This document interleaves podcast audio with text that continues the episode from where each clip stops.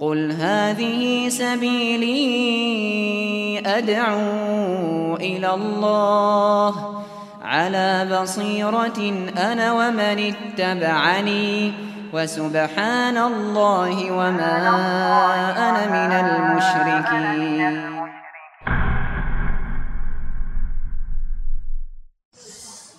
بسم الله الرحمن الرحيم الحمد لله رب العالمين والصلاة والسلام على أشرف الأنبياء والمرسلين Nabiina Muhammad wa ala alihi wa man tabi'ahum bi ihsanin ila yaumiddin. Allahumma anfa'na bima 'allamtana wa 'allimna ma yanfa'una wa zidna ilma. Baik uh, para peserta daurah sekalian, kita masuk pada sesi yang keempat. Empat ya. Baik. Tadi telah kita bahas tentang wajibnya bertauhid dalam bab pertama. Intinya dalil tadi ada Azariyat ayat 56 wajibnya bertauhid ditunjukkan pada kalimat illa liya'buduni melainkan untuk beribadah kepadaku. Kalimat itu digaris bawahi. Karena situ kalimat perintah untuk bertauhid. Kemudian yang ayat kedua walaqad ba'atsna fi kulli ummatin rasulan an ibudullah wajtanibu tagut. Kalimat sembahlah Allah saja dan jauhilah tagut di garis bawahi. Jadi artinya kalimat intinya itu di situ. Syahidnya atau kalimat inti pendalilan di situ. Terus Al-Isra ayat 23 sampai 24. Wa qad rabbuka alla ta'budu illa iya wa bil walidaini ihsana. Rohmu telah memerintah supaya kamu jangan menyembah selain dia. Supaya kamu jangan menyembah selain dia di garis bawahi. Wa'budullaha wa la tusyriku bi syai'a. An-Nisa ayat 36. Sembahlah Allah dan janganlah kalian menyekutukan Allah dengan sesuatu yang lain. Semuanya di garis bawahi. Kemudian Al-An'am ayat 151 sampai 153, "Qul ta'alau atlu ma harrama rabbukum 'alaikum alla tusyriku bihi syai'a." Kalimat janganlah kalian berbuat syirik kepadanya sedikit pun garis bawahi. Allah tusyriku bihi syai'a garis bawahi. Ibnu Mas'ud berkata, barang siapa yang ingin melihat wasiat Muhammad yang terakhir, wasiat Muhammad yang terakhir di garis bawahi. Kemudian hadis Mu'adz yang terakhir. Aku pernah membonceng seterusnya. Hak Allah yang wajib dipenuhi para hambanya adalah beribadah kepadanya. Dan tidak menyekutukannya dengan sesuatu apa pun. Dari kalimat beribadah kepadanya dan tidak menyekutukannya dengan sesuatu apa pun di garis bawahi. Jadi pendalilannya di situ. Sekarang kita bahas bab kedua. Keutamaan tauhid Dilanjutkan di bawahnya tadi di antara keutamaan tauhid adalah terhapusnya dosa-dosa seorang hamba. Jadi kalau kita bertauhid tidak berbuat syirik, dosa bisa terhapus dengan sendirinya. Ingat ya, bab kedua ini maksudnya kalau kita itu bertauhid, tidak berbuat syirik sama sekali, dosa terhapus dengan sendirinya. Kalau kalimat bahasa Arabnya fadlut tauhid wa ma yukaffiru minadz Keutamaan tauhid Dan tauhid itu menghapuskan dosa-dosa. Apakah sebagian dosa? Pengertian yang tepat di sini maksud Syekh Muhammad bin Abdul Wahab setiap dosa-dosa bisa terhapus kalau kita itu bertauhid. Setiap dosa itu bisa terhapus kalau kita itu bertauhid. Bukan sebagian saja, setiap dosa.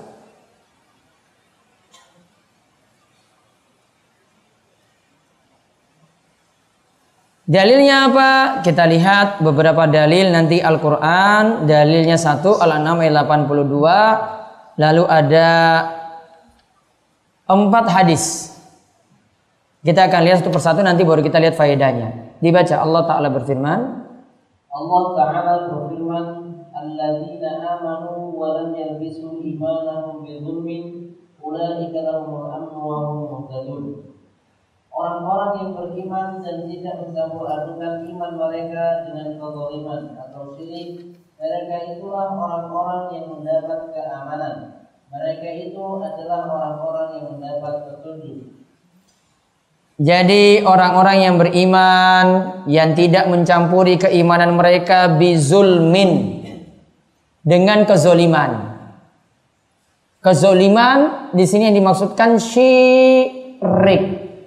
Karena kezoliman itu macam-macam. Maka diberi catatan, kezoliman dalam ayat ini yang dimaksudkan itu syirik. Karena kezoliman bisa ada orang nyolong barang orang lain, nyuri barang orang lain. Ada orang menyiksa yang lain, ada yang ngambil harta orang dengan baik, uh, meminjam utang tidak mau melunasinya, zolim. Namun yang paling parah daripada itu semua, zolim yang paling parah itu adalah kesyirikan. Dan Allah sudah ingatkan tentang hal ini dalam firman-Nya ketika Luqman menasihati anaknya, "Inna syirka la zulmun azim." Syirik itu kezoliman yang paling besar. Jadi syirik yang dimaksudkan inilah yang di sini yang di sini yang disebut dengan zolim. Makanya ayat ini zolim yang dimaksud itu adalah syirik. Siapa yang mencampuri keimanannya dengan kesyirikan? Yang di sini maksudnya tidak mencampuri, bersih imannya itu dari syirik, tidak berbuat syirik. Ulaika lahumul amnu itu yang dapat rasa aman. Wahum muhtadun itu yang diberi petunjuk. rasa aman di dunia dan di akhirat dan mendapatkan petunjuk di dunia biar selamat. Artinya di sini memang orang yang tidak berbuat syirik, hidupnya itu gampang, hidupnya itu mudah. Nggak perlu repot sana sini. Beda kalau orang itu berbuat syirik, mau buat hajatan saja super super repot sekali.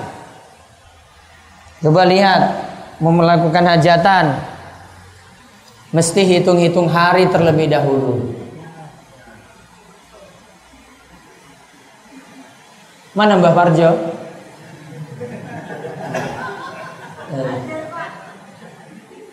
Mesti hitung-hitung hari dulu.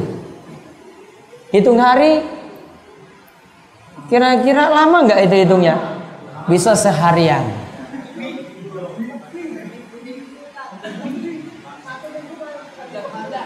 Satu minggu. Misalnya saya mau manten nanti satu minggu dulu hitung hari. Ini belum belum pasti juga itu. Woton-wotonnya tadi itu, pakai primbon tadi. Hitungnya rumit sekali berarti ya.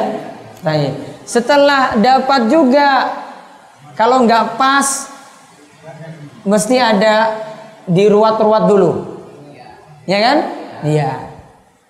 Ada yang dilakukan dulu ritual-ritual khusus untuk menyelamatkan tadi biar nggak kena musibah, biar nggak bencana, nggak kena bencana. Lihat rasa aman saja sudah nggak ada, nggak tenang. Wah kalau lakukan hajatan pas tanggal yang hitungan hari yang nggak baik tadi, wah lihat saja nanti kena sesuatu, kena musibah. Maka orang yang berbuat syirik itu nggak pernah tenang hidupnya. Ini baru awal-awal nih jalani rumah tangga. Ini belum, belum ini.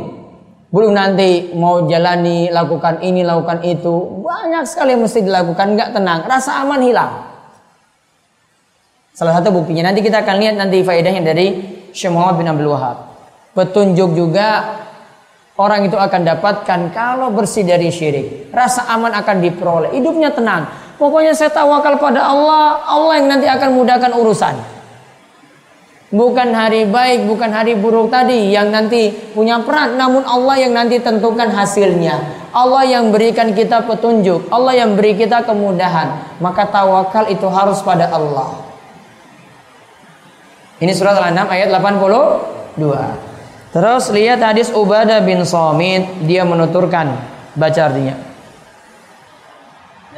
Ubadah bin Somit radhiyallahu anhu, dia menuturkan bahwa Rasulullah Shallallahu alaihi wasallam bersabda, Barang siapa yang bersaksi bahwa tidak ada sembahan yang berhak untuk disembah selain Allah, tidak ada sekutu baginya dan Muhammad adalah hamba dan utusannya bersaksi bahwa Nabi Isa adalah hamba utusan dan kalimatnya yang disampaikannya kepada Maryam serta roh daripadanya bersaksi bahwa surga adalah benar adanya dan neraka benar adanya. Maka Allah masih memasukkannya ke dalam surga. Betapapun amal yang telah dilakukannya. Hadis riwayat Bukhari dan Muslim.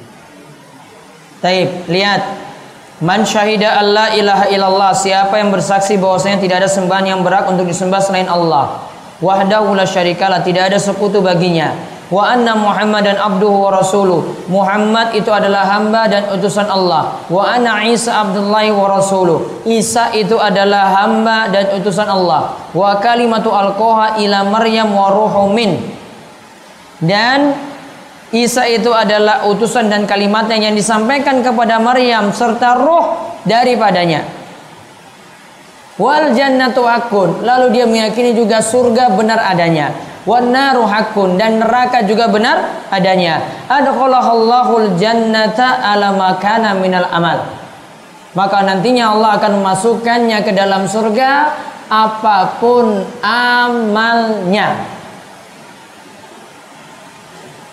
Maka kita lihat di sini ini maaf tadi yang Al-An'am 82 di garis bawahi pada kalimat mereka itulah orang yang mendapatkan keamanan. Mereka itu adalah orang yang mendapatkan petunjuk. Itu keutamaan tauhid. Jadi orang yang bertauhid akan dapat rasa aman aman di akhirat. Akan mendapatkan petunjuk petunjuk di dunia dan di akhirat. Kata Ibnu Katsir seperti itu. Jadi itu keutamaannya. Nah sekarang pada hadis Ubadah bin Somit yaitu pada kalimat ala makana minal amal. Yaitu yang terakhir maka Allah pasti masukkannya ke dalam surga betapapun amal yang telah dilakukannya. Garis bawahi dari maka Allah pasti masukkannya dalam surga. Apa pun amalnya.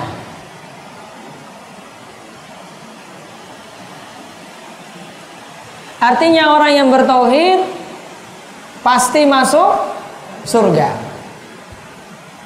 Ya, orang yang bertauhid itu pasti masuk surga. Dan pengertiannya di sini apa pun amalnya itu ada dua pengertian.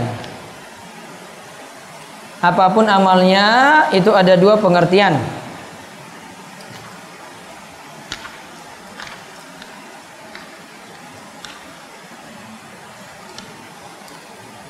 Yaitu satu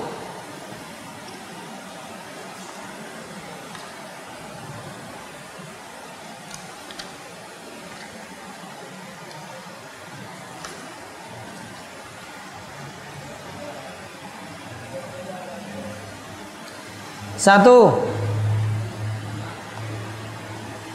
Orang yang bertauhid pasti masuk surga.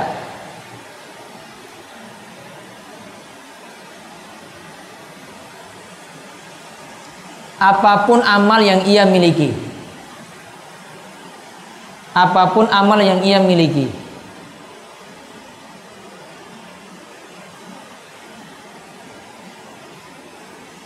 Pengertian yang kedua, orang yang bertauhid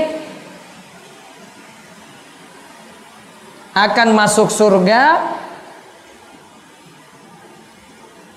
sesuai dengan amalnya. Orang yang bertauhid akan masuk surga sesuai dengan amalnya. Artinya makin bagus amalannya, derajatnya makin tinggi nantinya. Kalau yang pengertian pertama, coba perhatikan. Pengertian pertama berarti mau ada dosa di situ, kalau dia bertauhid maka pasti masuk surga. Entah nanti masuk surganya langsung, entah dibersihkan dulu dosa-dosanya. Yang penting masuk surga. Yang penting masuk surga. Ujung-ujungnya yang penting surga. Ada yang masuk surga langsung, ada yang masuk surga perlu disiksa terlebih dahulu. Yang penting ujung-ujungnya masuk surga. Jadi apa pun amalnya, pokoknya orang yang bertauhid itu pasti masuk surga. Namun kalau orang yang bertauhid yang tidak bertauhid tidak ada jaminan. Orang yang tidak bertauhid tidak ada jaminan. Pengertian yang kedua, orang yang bertauhid akan masuk surga sesuai dengan amalannya. Jadi derajatnya makin tinggi, amalannya dilihat bagaimana. Kalau ini tidak menunjukkan pengertian yang kedua ini tidak menunjukkan dosa-dosanya itu dimaafkan. Namun kalau pengertian pertama itu menunjukkan orang yang bertauhid dosa-dosanya itu bisa terhapus. Maka pengertian pertama itu yang digaris bawahi. Dosa-dosanya itu bisa terhapus. Yang penting apa tadi? Bertauhid.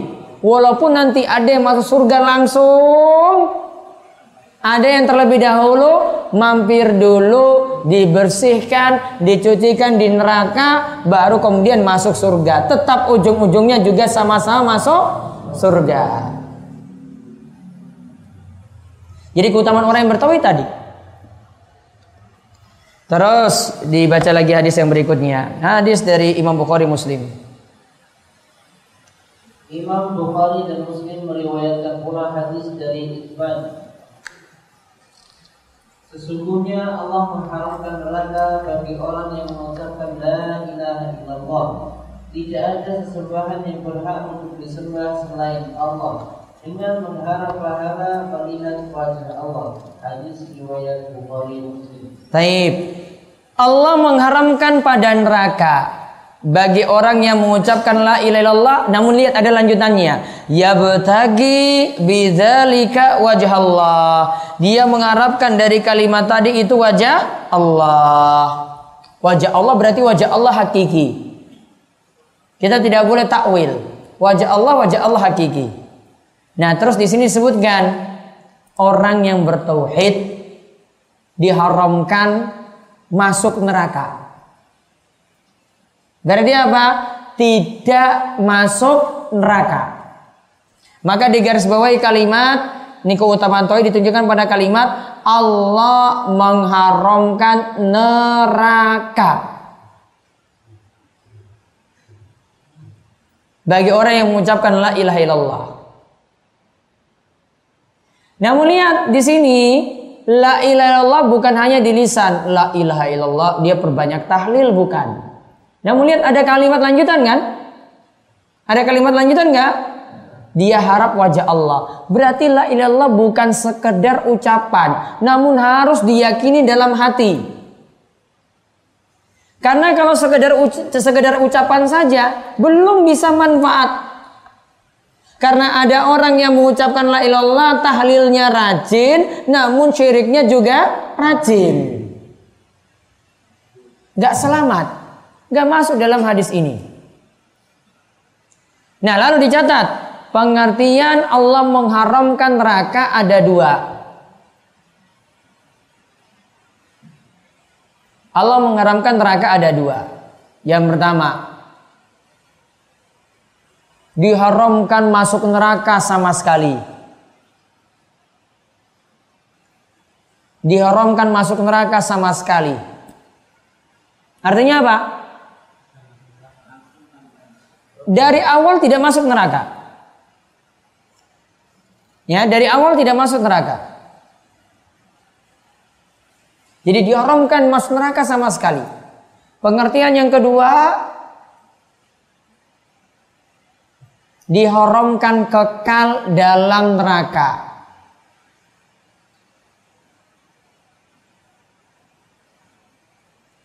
namun sempat disiksa sementara waktu. Namun yang jelas tidak selamanya loh. Dan ini jadi dalil nggih Bapak-bapak sekalian yang saya dulu pernah ingatkan bahwasanya kalau orang yang bertauhid kalau masuk neraka Allah masih bisa maafkan dan keluar dari neraka. Yang penting masih punya iman, yang penting masih punya tau tauhid. Jadi jangan pakai dalil surat apa dulu Al-A'raf ayat berapa dulu? 40. Bahwasanya orang kafir itu tidak akan masuk surga bagaikan unta yang masuk dalam lubang jarum. Itu untuk orang-orang yang mendustakan ayat Allah, untuk orang kafir. Kalau orang beriman masih ada kesempatan bagi dia dengan imannya tadi. Kalau dia masuk neraka bisa keluar dari neraka. Bisa keluar dari neraka. Seperti pembahasan kita ini. Jadi kalau disebut dalam ayat diharamkan baginya neraka bagi orang yang bertauhid, bisa jadi maknanya tidak masuk neraka sama sekali. Haram neraka bagi dirinya sama sekali tidak disentuh neraka. Pengertian yang kedua, tidak kekal dalam neraka walaupun dia sempat disiksa namun tidak selamanya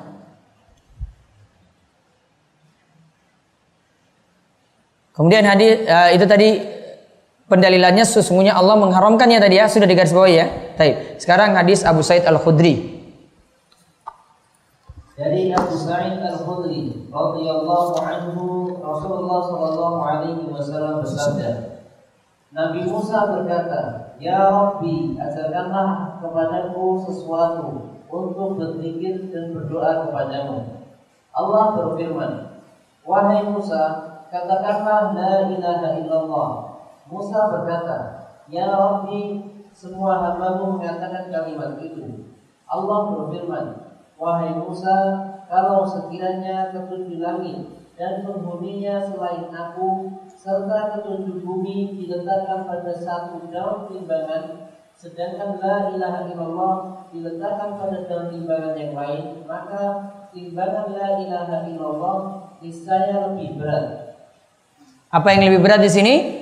La ilaha illallah.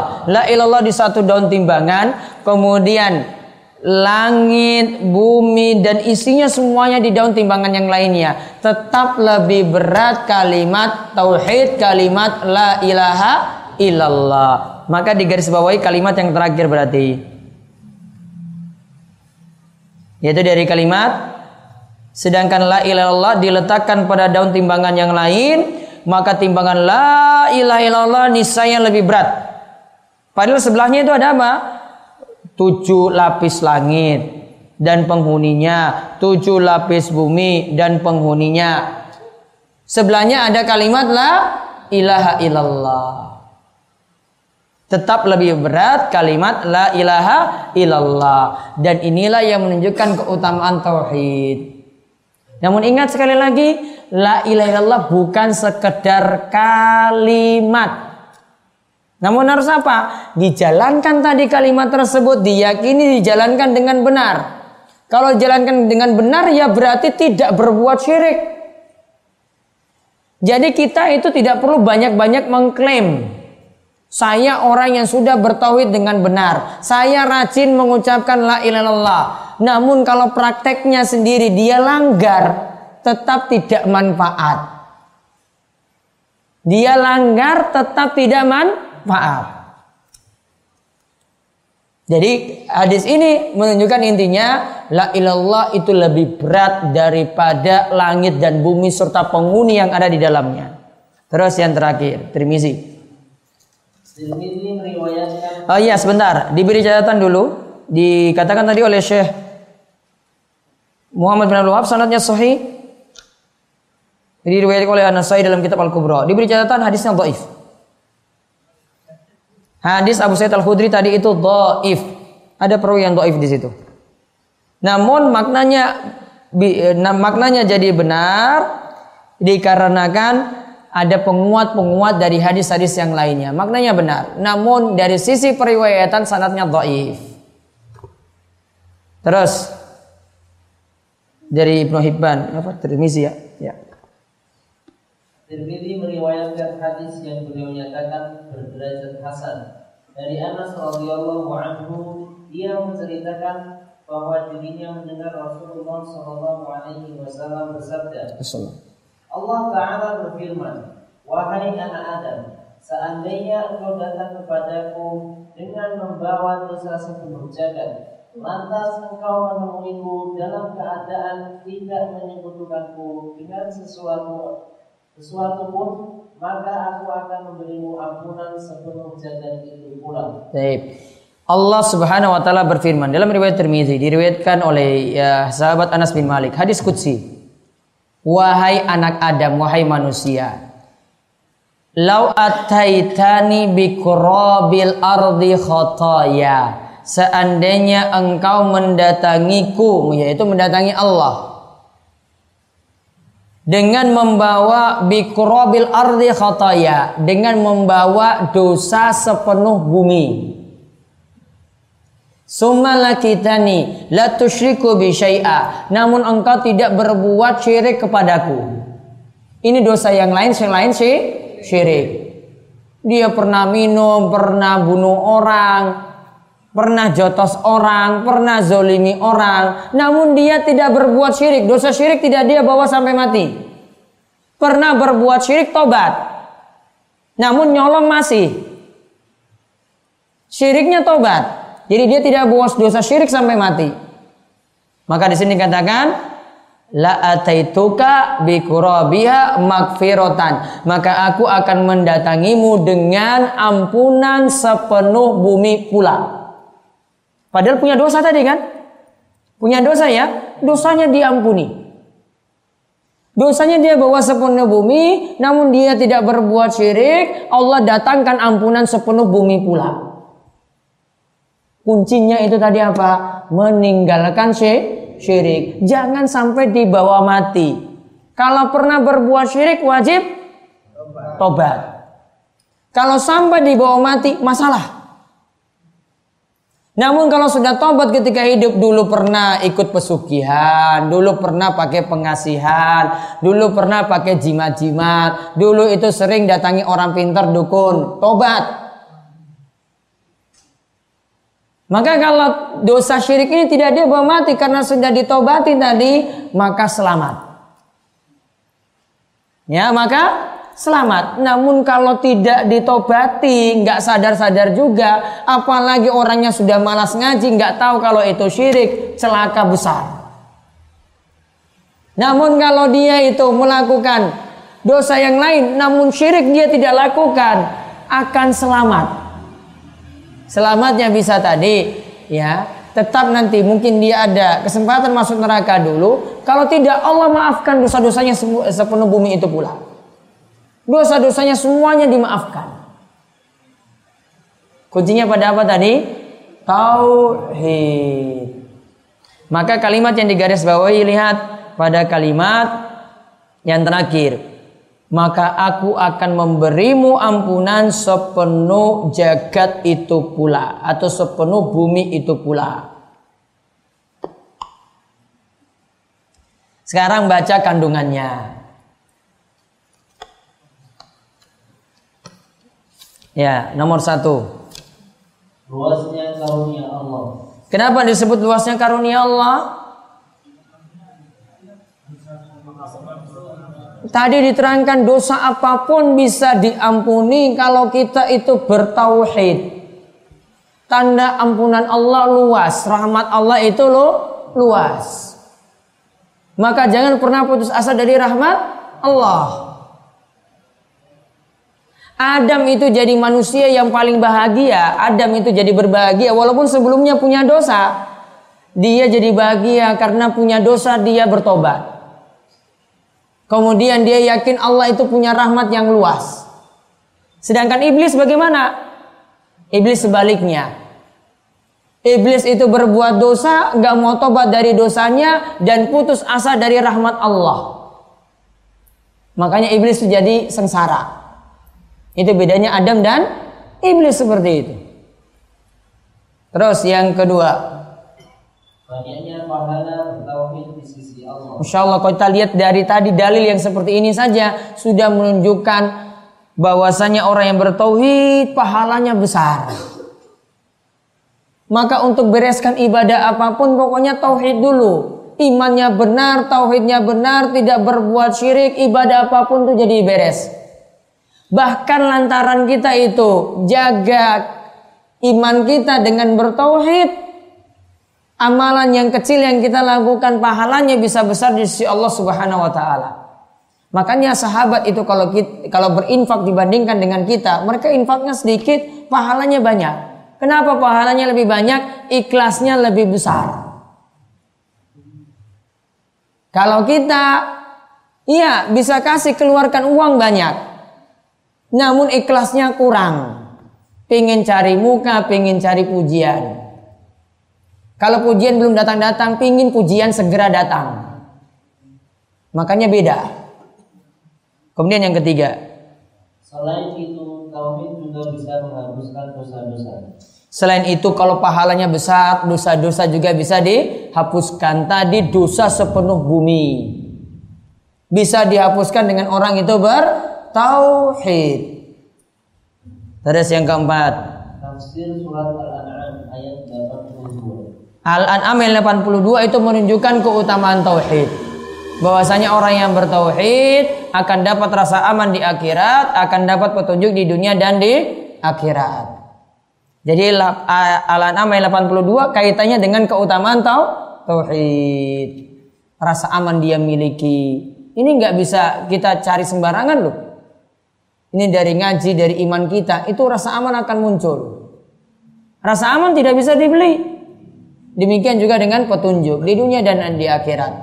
Ini dari orang itu beriman, dari orang itu bertauhid pada Allah. Terus yang kelima. Perhatikan kelima permasalahan yang termasuk dalam dalam hadis yaitu beribadah pada Allah semata la ilaha illallah dibahas wa anna muhammadar rasulullah Isa itu diyakini kemudian surga itu benar adanya neraka itu benar adanya lima hal ini diyakini ini totalnya lima nggih lima hal ini diyakini maka akan membuat orang itu masuk surga apa pun amalnya terus dengan menyelaraskan hadis ibadah, hadis isban dan hadis sesudahnya maka akan jelas bagi anda makna la ilaha illallah dan kesalahan orang-orang yang telah tertipu.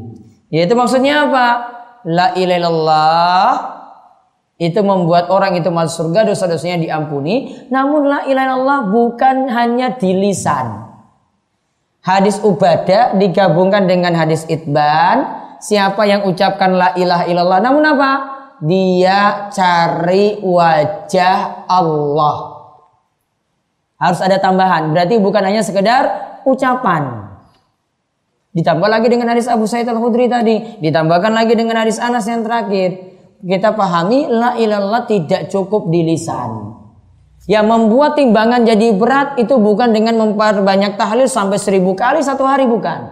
Namun kalimatnya diyakini, kalimatnya diamalkan, syirik tidak dilakukan. Baru membuat kalimat la ilaha illallah itu jadi berat.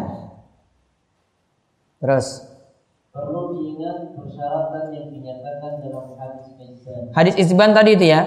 Allah mengharamkan bagi neraka bagi orang yang mengucapkan la ilallah dia mengharapkan dengan la ilallah tadi wajah Allah. Berarti syaratnya apa di sini la ilallahnya? Ikhlas. Cari wajah Allah. Enggak cukup di lisan. Terus yang ke delapan. Para nabi juga perlu diingatkan tentang keutamaan la ilaha illallah. Siapa nabi yang dimaksud tadi? Nabi Musa. Karena Nabi Musa berdialog dengan Allah, ketika itu dia tidak dia seolah-olah meremehkan kalimat la ilallah. Lalu dinyatakan la ilallah itu lebih berat dibandingkan daripada langit dan bumi. Terus Kalimat la ilaha illallah lebih berat timbangannya daripada seluruh makhluk. Walaupun kebanyakan orang mengucapkan kalimat tersebut akan tetapi ternyata ringan timbangan. Nah, perlu dipahami ada ada hadis lagi yang namanya hadis bitokoh. Hadis bitokoh itu ada seorang yang punya kartu ampuh, kartu sakti. Di mana dia punya catatan dosa, kalau mau dibentangkan, catatan dosanya ini dibuka, itu sejauh mata memandang. Kriminalnya banyak. Dibuka catatan dosanya itu sejauh mata memandang. Maka ketika itu tinggal satu kartu yang dia miliki, kartu ampuh. Yaitu kartu apa? Kartu la ilaha illallah. Catatan dosanya ditimbang di daun timbangan yang satu, la ilallah ditimbang di daun timbangan yang lainnya. Ketika itu yang menang, la ilaha illallahnya. Kartu la ilaha illallahnya yang menang. Dosa-dosanya kalah. Maka tadi lihat, la ilallah itu lebih berat timbangannya daripada seluruh makhluk. Ini tadi dalam hadis Musa. Namun dalam hadis yang lainnya dosa-dosa bisa kalah dengan kartu la ilaha illallah. Namun catatan penting yang kata Syekh Sulaiman At-Tamimi, beliau katakan setiap kita itu sudah punya kartu ampuh ini. Namun kualitasnya itu beda-beda. Ada yang kualitasnya itu lemah, ada yang sedang, ada yang kuat. Dan belum tentu bisa mengalahkan dosanya sendiri. Ya, belum tentu bisa mengalahkan dosanya. Orang tadi mungkin dari satu miliar orang cuma satu orang ini saja yang seperti itu. Namun bisa saja kita seperti itu kalau kita terus dalamin tauhid, tauhidnya dikuatkan, imannya dikuatkan, maka la ilallahnya jadi berkualitas. Ada la ilallahnya yang lemah. Jadi amal itu tidak tidak dituntut banyak, yang penting berkualitas. Ada orang yang amalannya banyak namun amalannya itu tidak berkualitas. Tidak berkualitas itu kalau dibandingkan dengan dosa akhirnya amalannya banyak tetap tidak bisa mengalahkan dosanya. Namun ada orang yang amalannya sedikit namun amalannya itu berkualitas. Catatan dosanya banyak namun bisa kalah. Yang banyak tadi dikalahkan dengan kebaikan yang berkualitas makanya kita dituntut untuk beramal itu liyabluwakum ayyukum ahsanu amala Kalian itu diuji manakah di antara kalian yang paling bagus kualitas amalnya, bukan yang paling banyak beramal. Beda. Kualitas paham ya? Kualitas paham. Kalau banyak, semua orang bisa perbanyak. Dan banyak amal itu nanti bisa membuat orang itu tertipu. Akhirnya dia yakin dia banyak amalan, buat dia itu jadi ujub.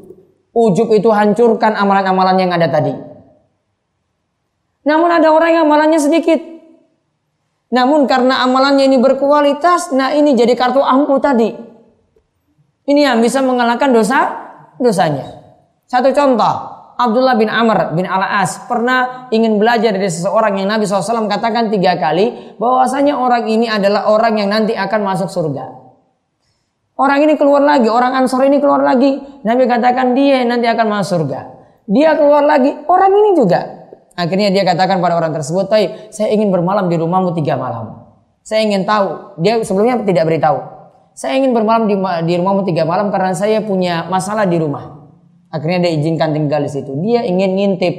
Ini amalannya tiap malam itu apa? Kok sampai Rasul nyebutnya itu tiga kali? Orang ini masuk surga. Dia orang Ansar. Tiga malam berlalu, tidak ditemukan amalan yang istimewa. Amalannya biasa-biasa saja. Abdullah seolah-olah menganggap remeh. Kemudian tiga hari selesai, dia pamit pulang. Saya izin pulang karena saya sebenarnya tidak ada masalah. Saya cuma pengen tahu amalanmu itu apa di rumah. Sampai Rasul nyebut kamu itu tiga kali, engkau itu masuk surga. Kemudian orang ini jawab, saya nggak punya amalan istimewa. Amalan yang kamu lihat itulah amalanku. Namun setelah Abdullah itu mau pergi, kemudian dia panggil Abdullah lagi. Abdullah sini. Ada satu saja saya ingin beritahu padamu.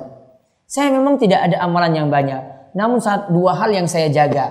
Saya pokoknya menjaga diri saya tidak pernah dendam. Yang kedua tidak pernah hasad.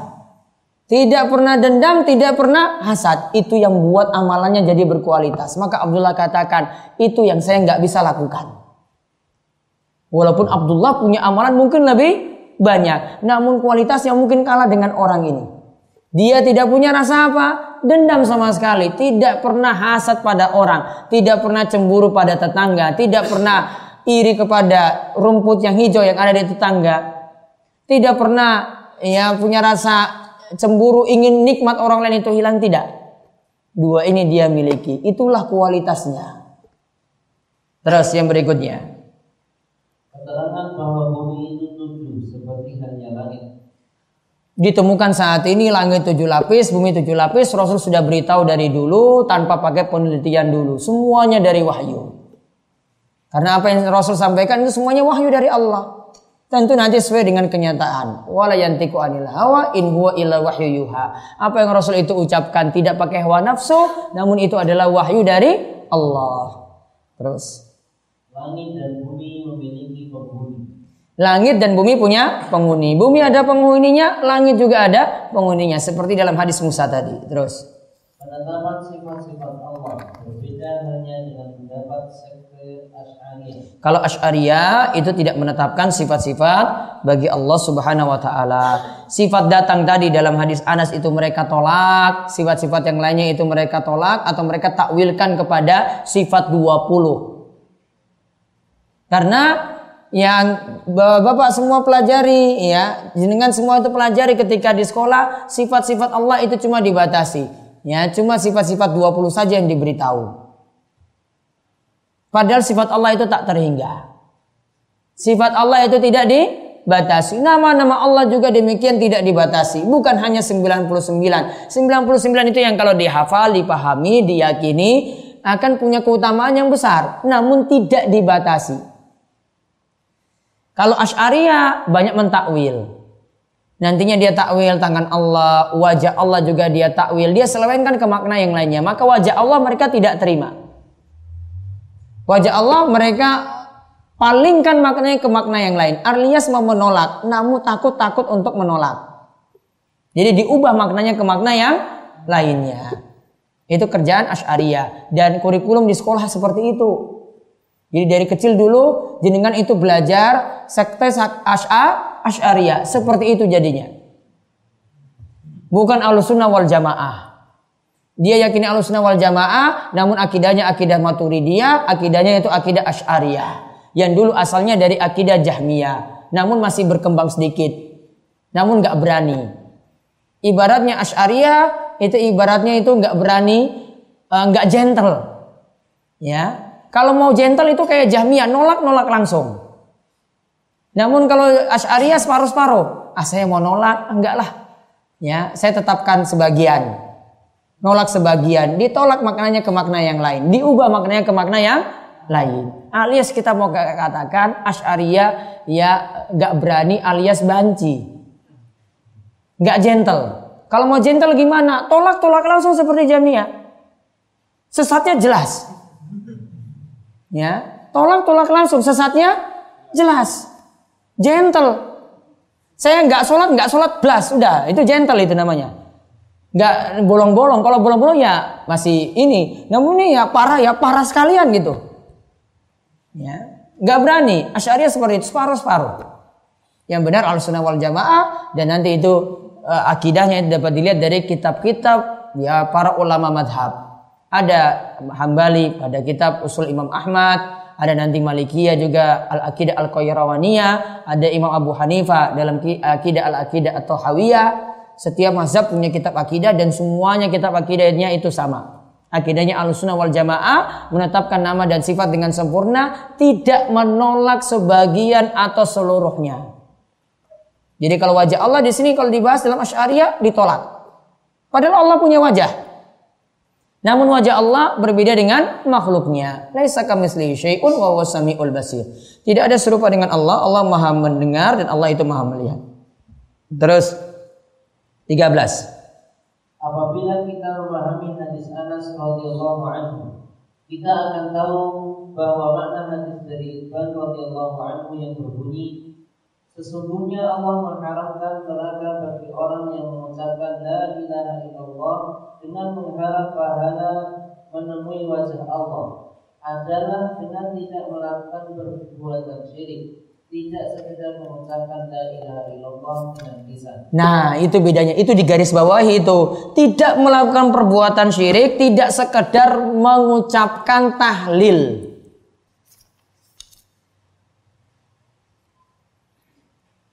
Jadi kalau hadis itban tadi kita katakan Nabi SAW itu katakan tadi Allah haramkan bagi yang mengucapkan la ilaha illallah. Tidak cukup mengucapkan. Namun harus juga meninggalkan apa? Syirik. Gak manfaat tahlilnya. Kalau cuma sekedar tahlil saja namun tidak mau meninggalkan kesyirikan. Maka harus pahami hadis itu sempurna kalau pahami sebagian, wah, oh berarti ini kita banyakkan la ilaha illallah saja, banyakin la ilaha illallah saja, baca la ilaha perbanyak. Namun syirik gimana? Ah, nggak apa-apa, jalan saja. Uang ini sudah dapat jaminan. Padahal salah dalam maknai hadis. Hadis yang dipahami utuh, gabungkan dengan makna yang lain, tidak cukup di lisan.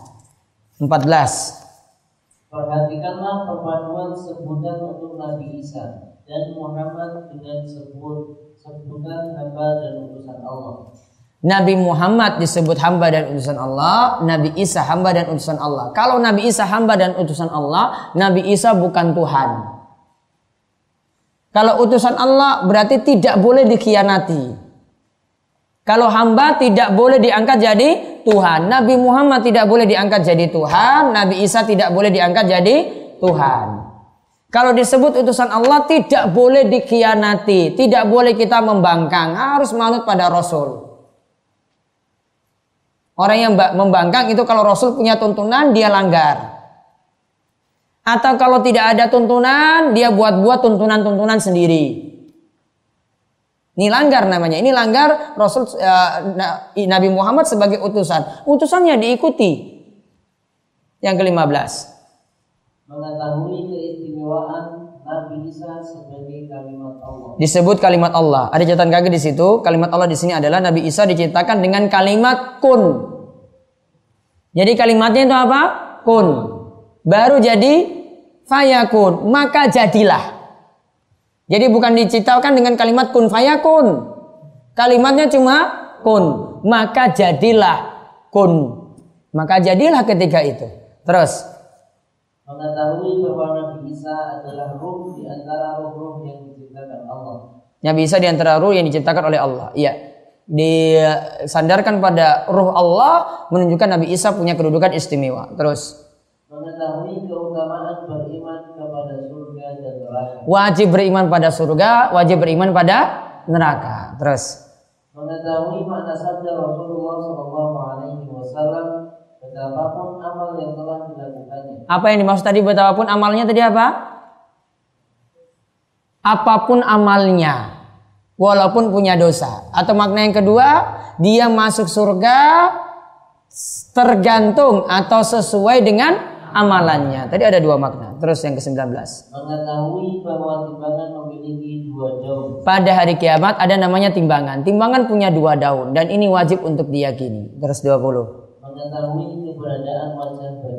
Jadi kita tetapkan Allah itu memiliki wa wajah. Namun wajah Allah tidak serupa dengan wajah makhluknya. Selesai sesi yang keempat. Ada pertanyaan dulu? Mbah Muji. Waalaikumsalam warahmatullahi wabarakatuh.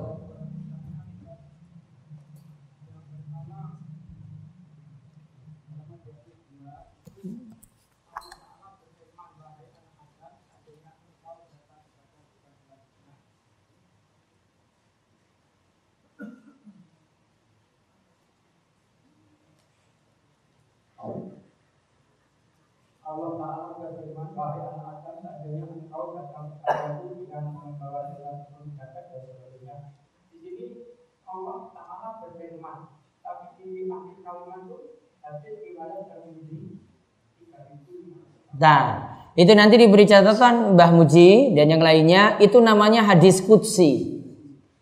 Hadis kutsi itu lafaznya saking Nabi, lafaznya dari Nabi, namun maknanya dari Allah. Jadi kalau ada hadis Nabi Shallallahu Alaihi Wasallam bersabda, Allah berfirman. Ini bukan ayat Al-Quran, namun namanya hadis kutsi. Kutsi artinya suci. Artinya apa di sini? Itu lafaznya dari Nabi, namun maknanya dari Allah. Kalau Al-Quran, lafaz dan maknanya dua-duanya dari Allah. Ya, jadi beri keterangan situ. Itu namanya hadis kutsi pakai Q. Ada lagi?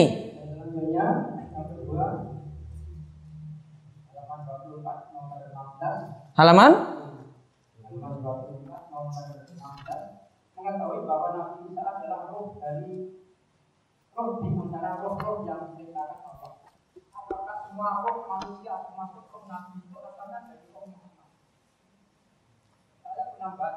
semua roh manusia itu asalnya dari roh Muhammad. Tidak. Ini khusus untuk Nabi Isa, ruhnya dari Allah langsung. Namun kalau untuk yang lainnya tidak seperti itu. Ini ini tentang Nabi Isa khusus. Ya, kalau untuk yang lainnya ya semua keturunan Adam. Ya, kalau yang dimaksudkan seperti itu. Kalau tadi pernyataannya apa? Semua roh manusia dari roh Muhammad. Wallahu alam, tidak benar seperti itu. Baik. Ya.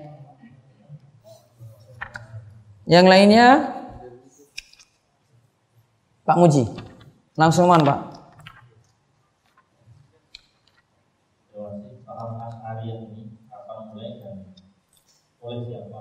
Oleh Abu Musa al Ashari. Maaf, bukan Abu Musa al Ashari. Nama lengkapnya saya lupa. Dia eh, siapa namanya? Saya jadi lupa. Abu Musa al Ashari bukan itu nama sahabat.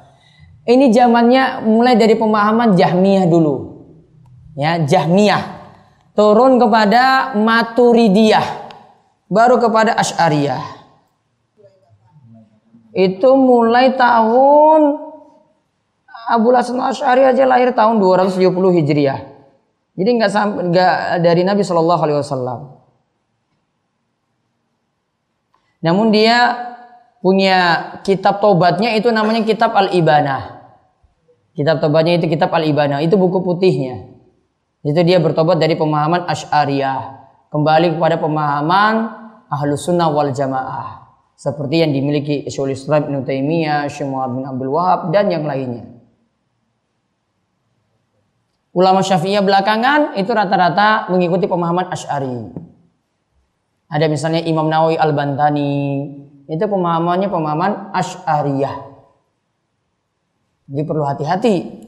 Kalau mau yang tahu yang lurus-lurus itu kayak Imam Ibnu Katsir, Imam Ibnu Taimiyah. Nah, itu pemahamannya pemahaman Ahlussunnah wal Jamaah atau empat ulama madhab, Imam Ahmad, Syafi'i, Abu Hanifah, dan Imam Malik. Ini semuanya pemahamannya pemahaman Ahlussunnah wal Jamaah. Lebih murni daripada yang belakangan. Kalau yang di belakangan sudah bercampur dengan pemahaman-pemahaman yang lain. Nanti bercampur tadi. Kalau dari Asy'ariyah, dia itu sebelumnya dari Maturidiyah, dari Kullabiyah. Ya. Jadi pemahamannya dalam masalah nama dan sifat Allah itu menyimpang. Hah? Di Indonesia masih banyak. Di Indonesia masih banyak, Pak. Kiai-kiai rata-rata seperti itu. Kurikulum sekolah seperti itu juga. Ada lagi?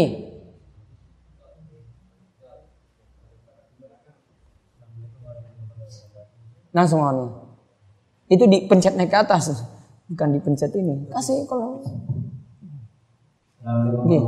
Iya. terkait dengan tauhid atau cerita Islam yang perlu saya tanyakan kebanyakan di tempat saya itu banyak sekali yang menjalankan seperti itu jadi yang tanyakan bagaimana cara menghadapi orang-orang yang dulu karena orang itu tidak menjalankan atau tidak tahu dan apakah lebih baik diingatkan atau didiamkan kalau kita Jenengan ngaji kitab tauhidnya rampung nanti baru dapat solusi. Intinya pelan-pelan untuk mendakwahi. Insya Allah nanti akan dapat solusinya. Ini kan baru kajian dulu, belum penerapannya ini. Ya, pokoknya santai aja pelan down turunkan tensinya dulu gitu. Jangan langsung pulang-pulang wah kabeh iki musyrik. Ya, masalah masalah jenengan nanti di masyarakat. Pelan-pelan. Makanya tanamkan dulu ilmu kuat, tauhidnya dikuatkan, baru nanti kita dakwahi secara pelan-pelan. Ini baru dua bab ini loh, belum apa-apa ini.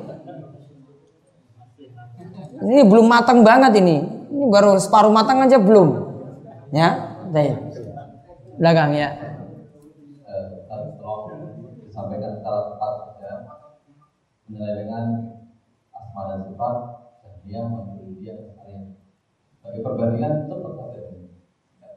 Sebagai perbandingan, kalau Jamiyah nolak semuanya. Allah tidak memiliki wajah. Itu aja. Kalau si siapa tadi Asy'ariyah, Asy'ariyah itu nolak namun diganti dengan makna lain. Wajah diganti dengan ridho Allah, seperti itu. Kalau Ahlussunnah wal Jamaah tetapkan Allah memiliki wajah, namun wajah itu tidak sama dengan makhluknya. Maturidiyah Maturidiyah hampir mirip-mirip dengan Mu'tazilah, separuh-separuh dia. Nolak sebagian. Maturidiyah itu hampir sama dengan Asy'ariyah, tidak tetapkan semua sifat. Kalau kalau Asy'ariyah tadi sifat 20 ya. Di sekolah sifat 20 ya. Kalau Maturidiyah sifatnya berkurang, mungkin sifat 13 atau sifat 7. Enggak semuanya. Ya, apa saja sifat-sifat 20 apa? Wujud kidam, bapak, kiamu binafsihi, dan seterusnya seperti itu.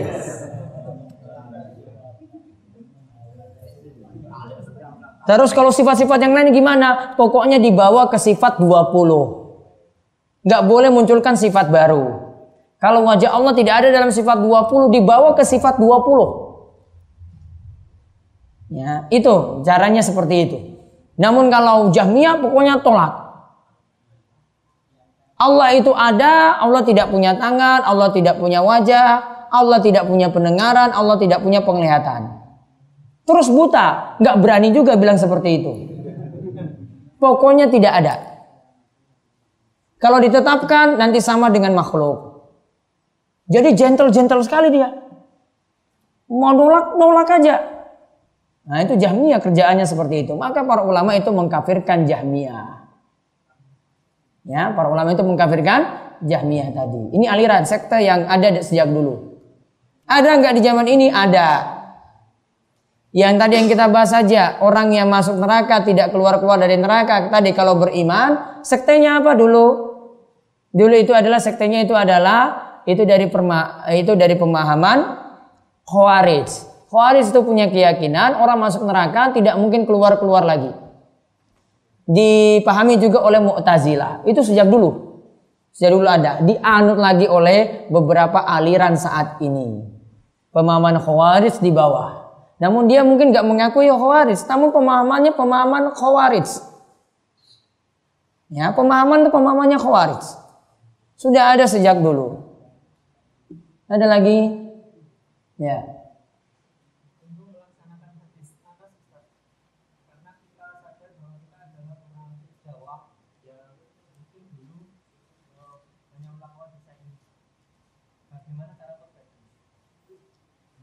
Hadis Anas yang terakhir tadi, bikro bil adil ya sumala kita lam tusyriku bi syai'a, ya.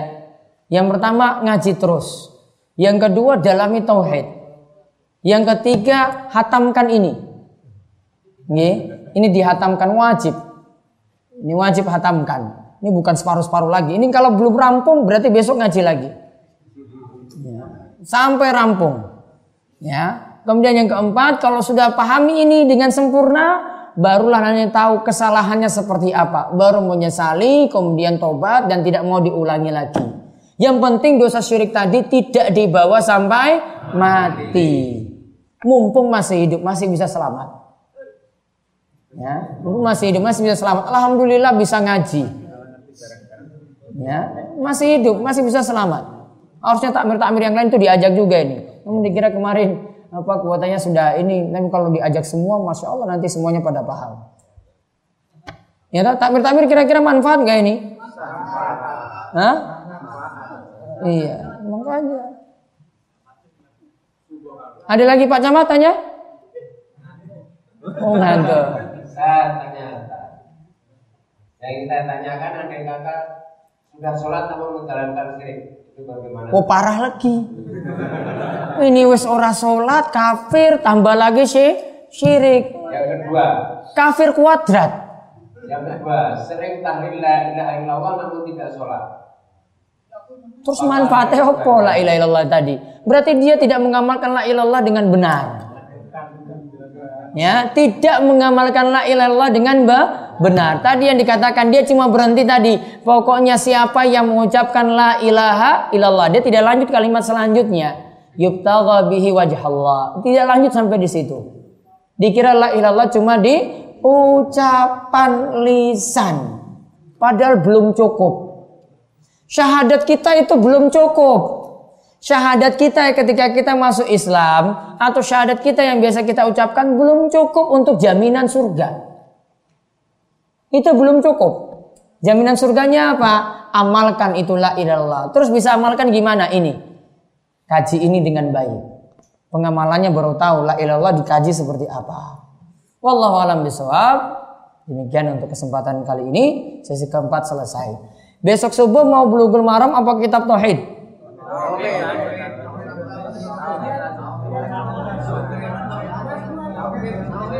Iya. Tauhid saja. Ya, biar yang lainnya tuh nggak syirik-syirik. Ya, ya, besok dilanjutkan dengan kitab tauhid juga. Habis subuh langsung. Nah, habis subuh langsung terus nanti sarapan pagi. Habis ini silahkan untuk makan malam. Ya, setelah makan malam istirahat. Istirahat orang ngobrol. Istirahat aja istirahat. ya, ini simbah-simbah ini loh biasanya ini nanti ada Mbah Ro'i sana ngobrol sama Mbah ini, ngobrol sama Mbah ini. Wah, soal simbah-simbah ketemu itu wes kayak yang tenan loh. Tambah Pak Camat lagi ngomong, wah.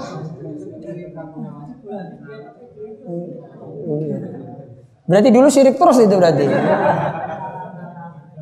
Masa kita tauhidnya baru terbit sekarang? Ini sudah dari dulu terbit ini sebenarnya. Iya. Udah kita tutup. Kalian doa kafaratul majelis. Subhanakallahumma bihamdika. Asyhadu an la ilaha illa anta astaghfiruka wa atubu ilaik. Assalamualaikum warahmatullahi wabarakatuh.